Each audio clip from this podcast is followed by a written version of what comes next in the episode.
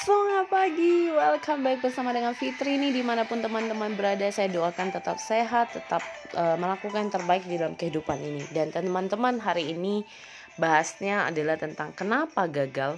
Banyak orang selalu punya pertanyaan ini di benak mereka. Di mereka memulai suatu bisnis, mereka tidak berhasil, mereka bilang kenapa saya gagal. Di mereka memulai uh, hubungan dengan pasangan, memulai kenalan, belajar untuk ingin membangun rumah tangga atau uh, pacar atau ini ya ke jenjang yang lebih gitu ya ditanya kenapa gagal di saat mereka mengalami banyak masalah? Dan teman-teman sebenarnya tidak ada manusia yang gagal. Kadang bagaimana kalau nggak ada sebuah hal yang istilahnya gagal itu sebenarnya adalah proses gitu loh. Kalau nggak ada proses itu kita nggak bisa naik level selangkah lebih ke keberhasilan ya. Jadi nggak ada hidup orang yang semuanya mulus nggak ada menghadapi liku-liku dan sama halnya bukan kegagalan yang anda alami tapi bagaimana anda menangkapi apakah itu gagal untuk anda selamanya.